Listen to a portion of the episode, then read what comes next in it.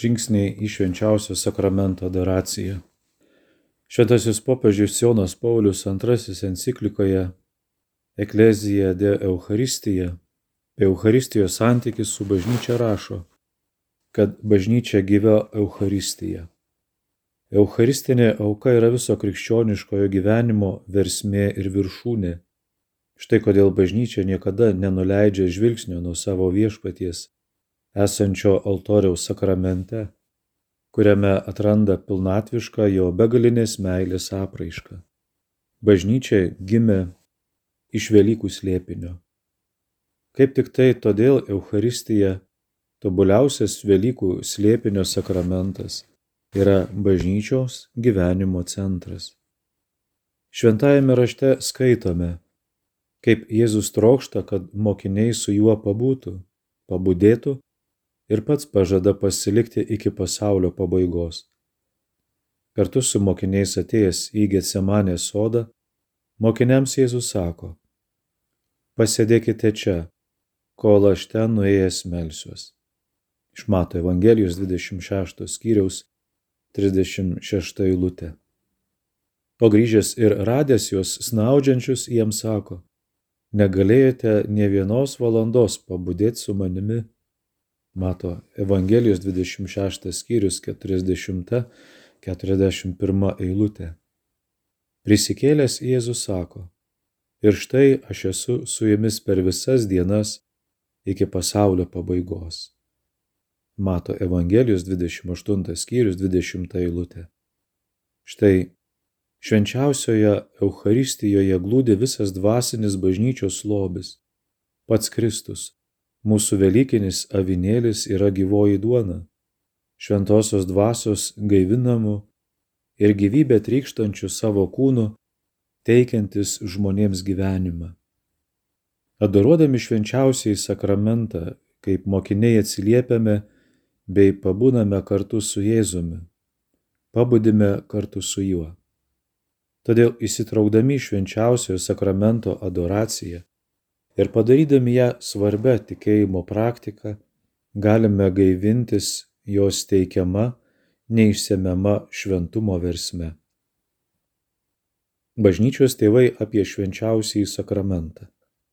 Įeidami į adoraciją galima prisiminti, kaip apie Eucharistiją kalba bažnyčios tėvai. Juk jie mokiniai apaštalų vaikščiojusi kartu su Jėzumi skaitydami bažnyčios tėvų mintis apie Eucharistiją, pastebėsime, kaip jie labai brangino Eucharistiją, kaip mokina, su kokia širdimi ir vienybėje reikia artintis prie Eucharistijos. Ignotas Antijochietis, nukankintas apie 115 metus. Todėl trokškite dažniau rinktis Eucharistijos Dievui ir jo šlovės nes kuo dažniau susitinkate, šetono veikimas ir jo greunamoji gale naikinama dėl jūsų tikėjimo.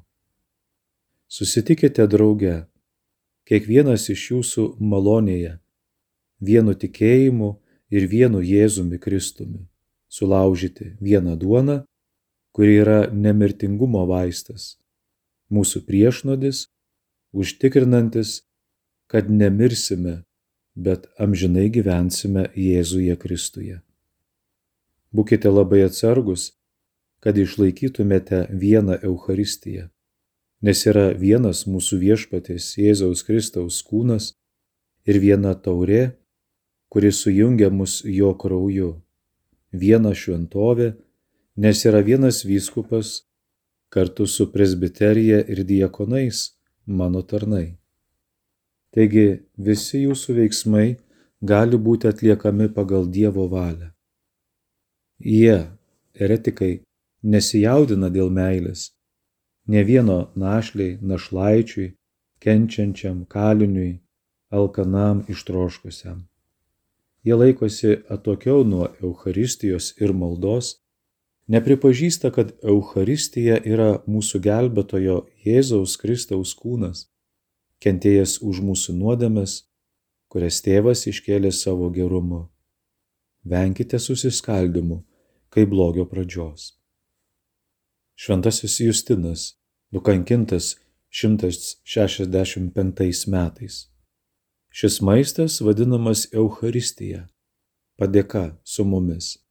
O dalyvauti leidžiama tik tiems, kurie tiki mūsų mokymo tiesa ir yra prieėmę nuodėmę atleidimą ir atsinaujinimą ir kurie gyvena pagal Kristaus mokymą. Mes negauname šių dovanų kaip įprasto maisto ar įprasto gėrimo, bet kaip Jėzus Kristus mūsų gelbėtojas, kuris įsikūnijęs Dievo žodis ir kuris prieėmė kūną ir kraują mūsų išgelbėjimui. Lygiai taip pat maistas, už kurį buvo dėkojama per maldo žodį, kurį mes turime iš jo maistas, kurio mūsų kraujas ir kūnas yra maitinami jį keičiant, yra tai, ko mes išmokyti - kūnas ir kraujas įsikūnijusio Jėzaus. Melitonas Sardietis miręs 180 metais. Jis atėjo iš dangaus dėl kenčiančio žmogaus, įsikūnijęs mergelės iščiose, iš kurios jis išėjo kaip žmogus. Jis prisėmė kenčiančio žmogaus kančias per galinti kentėti kūną ir nutraukė kūno kančias ir per savo nemirtingą dvasę jis tapo žmogų žaidusios mirties mirtimi. Vedamas kaip pavinėlis ir skerdžiamas kaip avis, jis išpirko mus nuo Egipto pasaulio vergyjos ir išlaisvino nuo velnio vergyjos, kaip nuo faraono rankos ir savo dvasia pripildė mūsų sielą, mūsų kūno narius savo krauju. Tai avinėlis be balso. Šitas avinėlis paskerstas, tai avinėlis gimęs iš švarios avelės. Tai tas, kuris buvo paimtas iš bandos, nutemtas į sunaikinimą, vakare paskerstas ir naktį palaidotas. Tai yra tas, kuris ant kryžiaus nebuvo sulaužytas ir žemėje nesugedo, bet iš mirusiųjų vėl prisikėlė ir prikėlė žmogų iš kapo gilumos. Žengiant adoruoti švenčiausiai sakramentą. Kalbant apie švenčiausiojo sakramento adoraciją, gali kilti klausimas, ar įmanoma adoruoti ištisą valandą? Ką aš galiu veikti ištisą valandą? Iš šiuos ir kitus klausimus pabandykime atsakyti pasiremdami amerikiečių autoriaus Vini Flino knygute 21 būdas šlovinti, skirta padrasinti tuos, kuriems kyla tokie ar panašūs klausimai, ypač tuos, kurie niekada nėra buvę adoracijoje, o kurie jau adoruoja, tie galbūt atras naujų maldos būdų. Autorius dalinasi savoje patirtimi tad nei vieno iš šių pateiktų būdų nereiktų laikyti kaip privaloma. Ir dar vienas labai svarbus autoriaus pastebėjimas, kad ką veikti švenčiausio sakramento adoracijos metu, nereikėtų iš anksto svarstyti ar tuo rūpintis, tačiau tiesiog eiti ir adoruoti. Tik tuomet, kai nueini adoruoti, ima keistis gyvenimas ir būtent taip, kaip net sunku įsivaizduoti. Autorius tvirtina vieną svarbų dalyką - kad adoracija nėra skirta tik kažkuriems išrinktiesiems. Ji skirta kiekvienam. Norint aukti dvasiškai, turi adoruoti švenčiausiai sakramentą. Eucharistijos prieimimas vadinamas komunija. Tai reiškia bendrystę. Tai Dievo dovana mums kad ją priimdami taptume labiau susivieniję su juo. Kaip rašo popiežius Benediktas XVI, komunijos prieimimas reiškia įėjimą vienybėn su Jėzumi Kristumi, prisikėlusiu, kuris dalinasi su mumis meilėje. Tai reiškia, kad komunijos prieimimas yra visuomet asmeninis aktas. Taigi Eucharistija mus kviečia į asmeninį santykių su Jėzaus asmeniu, o santykio užmesgymui visuomet reikia laiko. Kaip pažymi popiežius Benediktas XVI, bendravimui su Kristumi reikia, kad žvelgtume į jį, leisdami jam žvelgti į mus, klausydami jo galime jį pažinti. Adoracija yra tiesiog bendrystės asmeninė išraiška. Dievas mūsų laukia Jėzuje Kristuje, švenčiausiajame sakramente. Neleiskime jam mūsų nesulaukti. Neleiskime dėl mūsų išsiblaškimo ir ištižimo praleisti didžiausią ir svarbiausią dalyką mūsų gyvenime. Taigi nesvarbu, ką ketinate nuveikti tą valandėlę adoracijos metu. Tačiau tiesiog svarbu nueiti į adoraciją. Nusiauk batus. Išėjimo knygoje skaitome, kaip mozei stovinčiam prie degančio krūmo Dievas kalba. Neik arčiau, nusiauk sandalus, nes vieta, kurioje stovi, yra šventa žemė. Ateidamas pas Jėzų Euharistijoje, turiu nusiauti batus ir aš. Tik kasgi yra tie mano batai, su kuriais negaliu artintis švenčiausiojo link. Tai viskas, kas gali kliudyti būti atsigręžus į Dievą. Viskas, kas gali man užstoti jo šviesą. Būtent neišpažintos nuodėmės. Išlikęs prisirišimas prie nuodėmės, nesantūrus troškimai ir prisirišimai, nuoskaudos, net leidimai, sužeidimai, apmaudai, kartėliai, slogios mintis, požiūriai, aistros, užimtumas, baimės, nerimas ir taip toliau. Tai kaipgi nusiauti tuos batus? Pirmiausiai pripažink, kad tau reikia kažką padaryti, kaip kad mozei stovinčiam prieš degantį krūmą ir drįstančiam įeiti į Dievo akivaizdos tikrovę.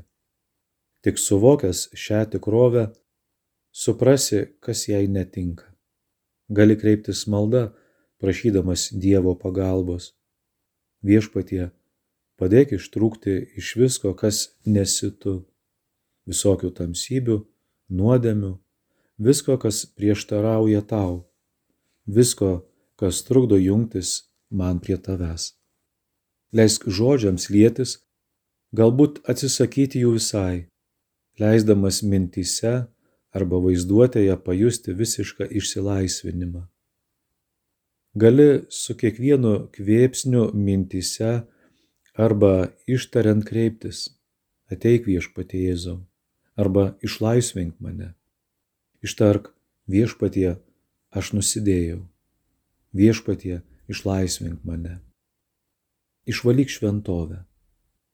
Evangelijoje pagal Joną skaitome, kaip Jėzus nukeliavęs į Jeruzalę ir šventykloje radęs prekiautojus bei pinigų keitėjus, pasidaręs iš virvučių rimbą, išvarė visus iš šventyklos. O štai Pauliaus laiške korintiečiams rašo. Argi nežinote, kad jūs esate Dievo šventovė ir jumise gyvena Dievo dvasia? Tai kasgi teršia šią Dievo šventovę? Evangelijoje pagal matą skaitome o kas išeina iš burnos, eina iš širdies ir tai suteršia žmogų. Iš širdies išeina pikti sumanimai, žmogžudystės, svetimavimai, paleistuvystės, vagystės, melagingi liudijimai, šmeištai. Štai šitos blogybės apsigyvena kaip nepageidaujami svečiai mūsų širdise. Galbūt mes samoningai mes jų nepriimame, tačiau blogybės gyvena ir teršia šventovę. Kitas pavyzdys gali būti iš Evangelijos pagal Luką, kur Kristus kalba apie Dievo karalystę. Fariziejų paklaustas, kada ateis Dievo karalystė, Jėzus paaiškino, Dievo karalystė ateina nepastebimai ir niekas nepasakys, štai čia arba ten, nes Dievo karalystė jau yra tarp jūsų. Taigi, kur yra karalystė, ten turi būti ir karalius sėdinti sostą. Jeigu mano širdis yra karalystė, kas jo sostė sėdi? Jeigu tai ne Jėzus Kristus, vadinasi tai yra stabas, kurį turiu išvyti. Ar susimastėme kada nors, kas yra stabas? Tai yra tai, ką leidžiame būti svarbesniais už Dievą. Tai net gali būti labai geri dalykai, kaip darbas, visuomeninis gyvenimas, sportas, net religinis aktyvumas. Žodžiu, viskas, prie ko prisirišote, ar net tapote priklausomas, o tuo pačiu Dievą išstumdami iš savo gyvenimo centro. Gali paprašyti Dievo pagalbos atsikratyti šiais stabais. Viešpatie, Jeigu yra kažkas, kas tapo svarbesniu išstumdamas tave iš mano širdies sosto, padėk man atsikratyti šių stabų. Ateik į mano širdies šventyklą ir pasidaręs iš virvučių rimbą, išvyk juos visus. Užmėgsk asmeninį ryšį. Mes turime nuostabes bei gražias maldas ir melstis jomis yra labai prasminga. Tačiau adoracijos metu šios maldos gali nuskambėti labai formaliai, taip sutrukdydamos panirti santykio gelmėn su Dievu. O juk adoracijos metu neriame į asmeninio santykio gelmę. Štai popiežius Benediktas XVI apie Eucharistiją sako, kad tai ne kūno gabalėlis ir nedaiktas, tai asmuo asmuo mylintis mus labiau nei galime įsivaizduoti. Būtent adoracijos metu neturėtume būti formaliame santykyje su Dievu. Čia mums reikia tikro santykio. Ir todėl viską, ką šiuo metu bedarytum, ar ką sakytum, ar ką skaitytum, ar kur bežvelgtum, visą tai daryk asmeninėme santykyje. Tai yra laikydamas visą tai tarp savęs ir tresmenio Dievo, kurio kiekvienas asmo trokšta santykio su tavimi. Santykiams reikia laiko, reikia asmeninio įsitraukimo, asmeninio įsipareigojimo. Adoracijos metu mes santykyje pažįstame Dievą, kuris mus pašaukė į būti. Jis ne šiaip sukūrė kaip vieną iš milijonų, tačiau visiškai vienintelį tokį vienintelį unikalų. Kalbėdamas su Dievu, švento rašto eilutėmis, juk jo rankomis esu nuostabiai padarytas, rūpestingai sudėtas. Taigi galiu Dievui ištarti psalmės eilutę. Šlovinu tave, nes esu nuostabiai padarytas. Tavo visi darbai nuostabus. Tai žinau labai gerai. Psalmių knyga 139 skyrius 14 eilutė. Šventas raštas yra gyvas Dievo žodis, todėl įsidrasinkime įsiklausyti, ką man asmeniškai kalba šventasis raštas. O tai ne švento rašto interpretavimas, ką viena ar kita eilutė reiškia, bet kaip mane viena ar kita eilutė susiję tiesiogiai, asmeniškai su Dievu. Švento rašto suasmeninimas leidžia Dievo žodžiui įeiti į mane, mano gyvenimą, mano gyvenimiškus atvejus. Taigi taip Dievo žodis prabyla man labai asmeniškai, labai tiesiogiai ir tikroviškai dabar tikrai galiu įsiklausyti ir tiesiog būti santykio gelmėje.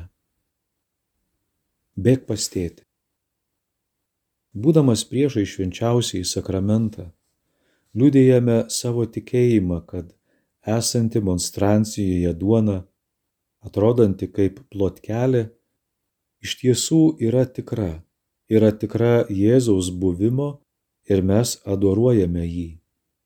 Tačiau adoruodami Jėzų, susiteldami į Jėzų, mes galime pasiekti tėvą. Jėzus mums atskleidžia, kas yra tėvas. Šventasis Paulius rašo, kad jis yra neregimojo Dievo atvaizdas. Laiškas kolosiečiam, pirmas skyrius, penkiolikta eilutė. Kasgi yra neregimasis Dievas? Jis yra tėvas. Paskutinės vakarienės metu Jėzus kalba mokiniams, kad jis eina pas savo tėvą paruošti mums vietos, taip pasakydamas mums, kad per jį mes pasiekiame ir tėvą. Aš esu kelias tiesa ir gyvenimas.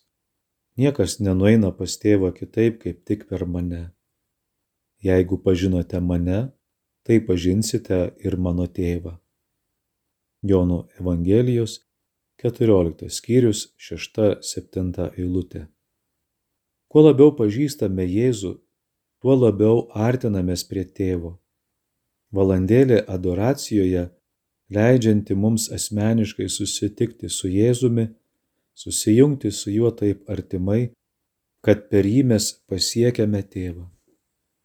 Apie tai kalba šventasis popiežius Jonas Paulius II.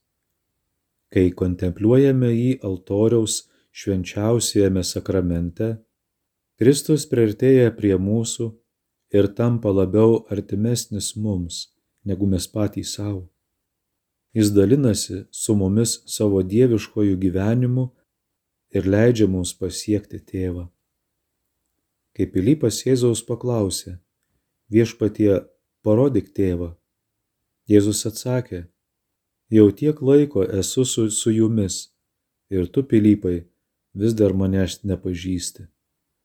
Kas yra matęs mane, yra matęs tėvą.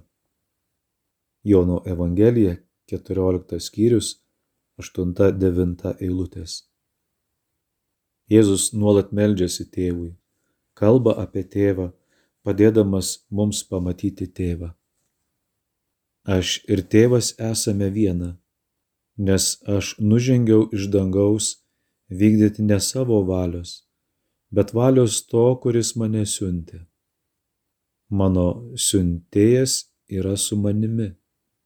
Jis nepaliko manęs vieno, nes visuomet darau, kas jam patinka. Jono Evangelijos 10 skyrius 30 eilutė, 6, 38, 8 ir 29. Jėzus atėjo parodyti mums, kad Dievas yra tėvas pilnas gailestingumo. Tėvas tiesiog mylintis mus, laiminantis mus, save mums dovanojantis, esantis visiškai ištikimas jo amžinai meiliai. Vadinasi, tikėti nukryžiuotą sūnų reiškia matyti tėvą. Galime melstis šventos Faustino žodžiais. Amžinasis tėve, aukoji tau tavo mieliausiojo sūnaus kūną ir kraują, sielą ir dievystę, permaldauti už mūsų ir viso pasaulio nuodėmes. Katekizme skaitome, Kristaus buvimas eucharistiniais pavydalais yra nepakartojamas. Jis iškelia Eucharistiją virš visų sakramentų ir padaro ją dvasinio gyvenimo tobulybę ir tikslu į kurį krypsta visi sakramentai. Švenčiausiame Eucharistijos sakramente tikrai, realiai ir substanciškai yra mūsų viešpatės Jėzaus Kristaus kūnas ir kraujas iš vien su jo siela ir dieviste ir todėl visas Kristus. Šitas buvimas vadinamas realus, ne išimtinė prasme, tarsi kitoks buvimas nebūtų realus bet iškiliausia prasme, kadangi tai substancialus buvimas ir Kristus, Dievas ir žmogus, čia yra visas ir nedalomas. Kas kart artindamiesi prie Eucharistijos, einame į tėvo glėbį.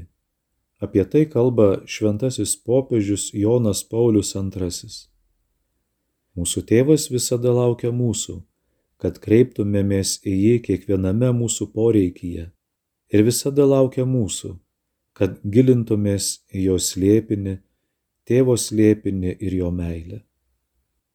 Ateidami adoruoti Jėzaus švenčiausiame sakramente, mes visada kartu prisertiname prie tėvo, šventosios dvasios ir viso dangaus. Vienydamiesi su Eucharistiniu Jėzumi mes kalbame su tėvu meldžiamės tėvui, lenkiamės tėvui, prašome pagalbos kaip vaikai pas tėvą. galime melstis tokia malda. Viešpatie Jėzau, tu esi matomas neregimojo Dievo atvaizdas. Tu esi tėvo mums parodyta meilė. Kai žvelgiu į tave, matau tėvą, gailestingumo pilnatvę, iškėlusi laiminančią ranką ir liejančią į mane per tavo pervertą širdį patį trejybinį gyvenimą. Jaunimas švenčiausiojo sakramento adoracijoje. Jaunimas turi kitokias gyvenimiškų situacijų išraiškas bei patirtis negu vyresnio amžiaus žmonės ir, žinoma, yra labiau emocingas.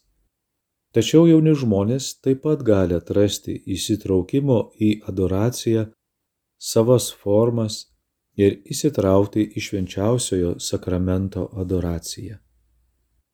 Išliek tai garsiai. Prisimenant šventojo popiežiaus Jono Pauliaus antrojo ištarą, kad mūsų tėvas visada laukia mūsų, kad kreiptumės į jį kiekviename mūsų poreikyje ir visada laukia mūsų, kad gilintumės į jo slėpinį, tėvo slėpinį ir jo meilę. Tai reiškia, kad tėvas laukia, kad į jį kreiptumėmės ne tik dideliuose poreikiuose, bet visuose ir pačiuose mažiausiuose. Juk Dievas nėra tėvas sakantis, nustok verkęs. Dideli vaikai neverkia. Vadinasi, jeigu norisi adoracijos metu verkti, tai ir galima verkti. Jeigu esi nelaimėje, ateik į adoraciją su savo nelaime. Jeigu lieki vienas prie švenčiausiojo ir norisi verkti, verk garsiai, gali ir žliumti. Svarbu būk tikroviškas su Dievu. Akivaizdu, kad esant gretimai daugiau žmonių, turi būti dėmesingas jiems ir elgtis santūriau, neblaškant jų maldos. Tačiau neslėp savo skausmo nuo Dievo Verkimas esant priežasčiai yra veiksminga priemonė padedanti gydyti žaizdas. Verkimas kartu su tuo, kas tave myli, dar labiau sustiprina veiksmingumą.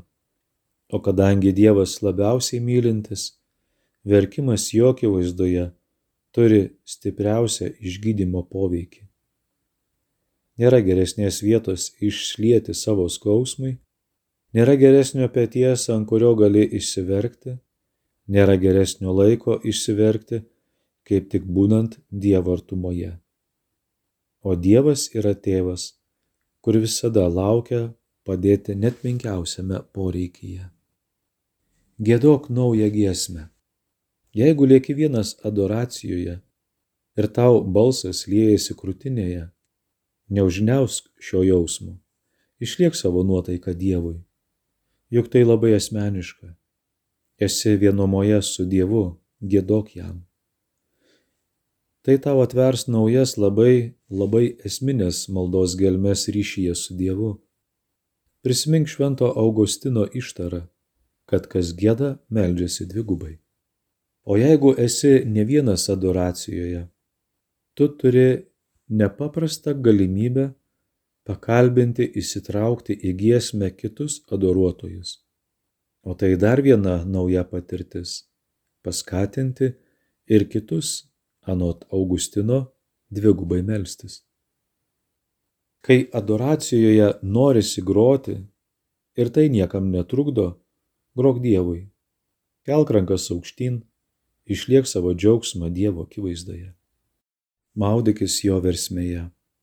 Būdami adoracijoje patiriame Jėzaus mums liejamą gailestingumą. Viena iš vaizduotės maldos formų yra maudimasis Jėzaus gailestingumo versmėje. Juk Jėzaus liejamas gailestingumas yra begalinis ir tu jį gali patirti. Jėzaus gailestingumas trykšte trykšta nesibaigiančiomis rovėmis ir tu gali pasinerti į šias roves. Šventajame rašte dažnai sutinkame trykštančio vandens vaizdinių, ypač pranašiškose Kristaus ir jo bažnyčios vaizdiniuose.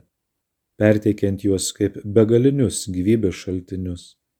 Šaltinis ištrykš iš viešpaties namų. Jolė knyga ketvirtas skyrius 18 eilutė. Tu esi gyvenimo šaltinis. Psalmių knyga 36 skyrius 10 eilutė. Bus atviras šaltinis nuodėmiai ir nešvarumai nuvalyti. Zacharijo knyga 13 skyrius 1 eilutė. Versme vandens, trykštančio į amžiną į gyvenimą. Jona Evangelijos 4 skyrius 14 eilutė. Gyvybės vandens upė, tvaskančia tarsi krištolas, ištekančia nuo Dievo ir avinėlio sosto. Prieškimo knyga 22 skyrius 1 eilutė. Evangelijoje pagal Joną skaitome, kai vienas kareivis ietimi perdorė jam šoną ir toje užtekėjo kraujo ir vandens. Jono Evangelijos 19 skyrius 34 eilutė. Tai gailestingumo mums versmė per amžius išliejama visiems, kurie semėsi iš jos. Jeigu esi matęs filmą Kristaus kančia, prisimink sceną, kai kareiviui perdorus Jėzaus širdį, trykštanti kraujo ir vandens versmė veržėsi versmėmis ant Jono ir Marijos, stovinčių prie kryžiaus. Jie visiškai permirkė tąją besiveržiančią gailestingumo versmę. Žvelgdamas į Eucharistiją adoracijos metu, gali melstį tokio panirimo į gailestingumo versmę, kokį patiria Marija ir Jonas po kryžiumi. Mintimis panirk į šią versmę. Toje versmė tegul nuplauna, išgrynina, atleidžia, gydo, atstato tave. Jeigu meldiesi už kitą žmogų, mintimis panardink jį į šią srovę. Toks gailestingumo versmės vaizdinys atmintyje sugrįž, kai prausiesi duše, vaikščiosi lietuje, laistysi gėlės. Mėly Marijos radio klausytojai, Šventojo popiežiaus Jono Pauliaus antrojo enciklika Eklezija de Euharistija skaitė kunigas Aivaras Jurgilas. Likite su Marijos radiju.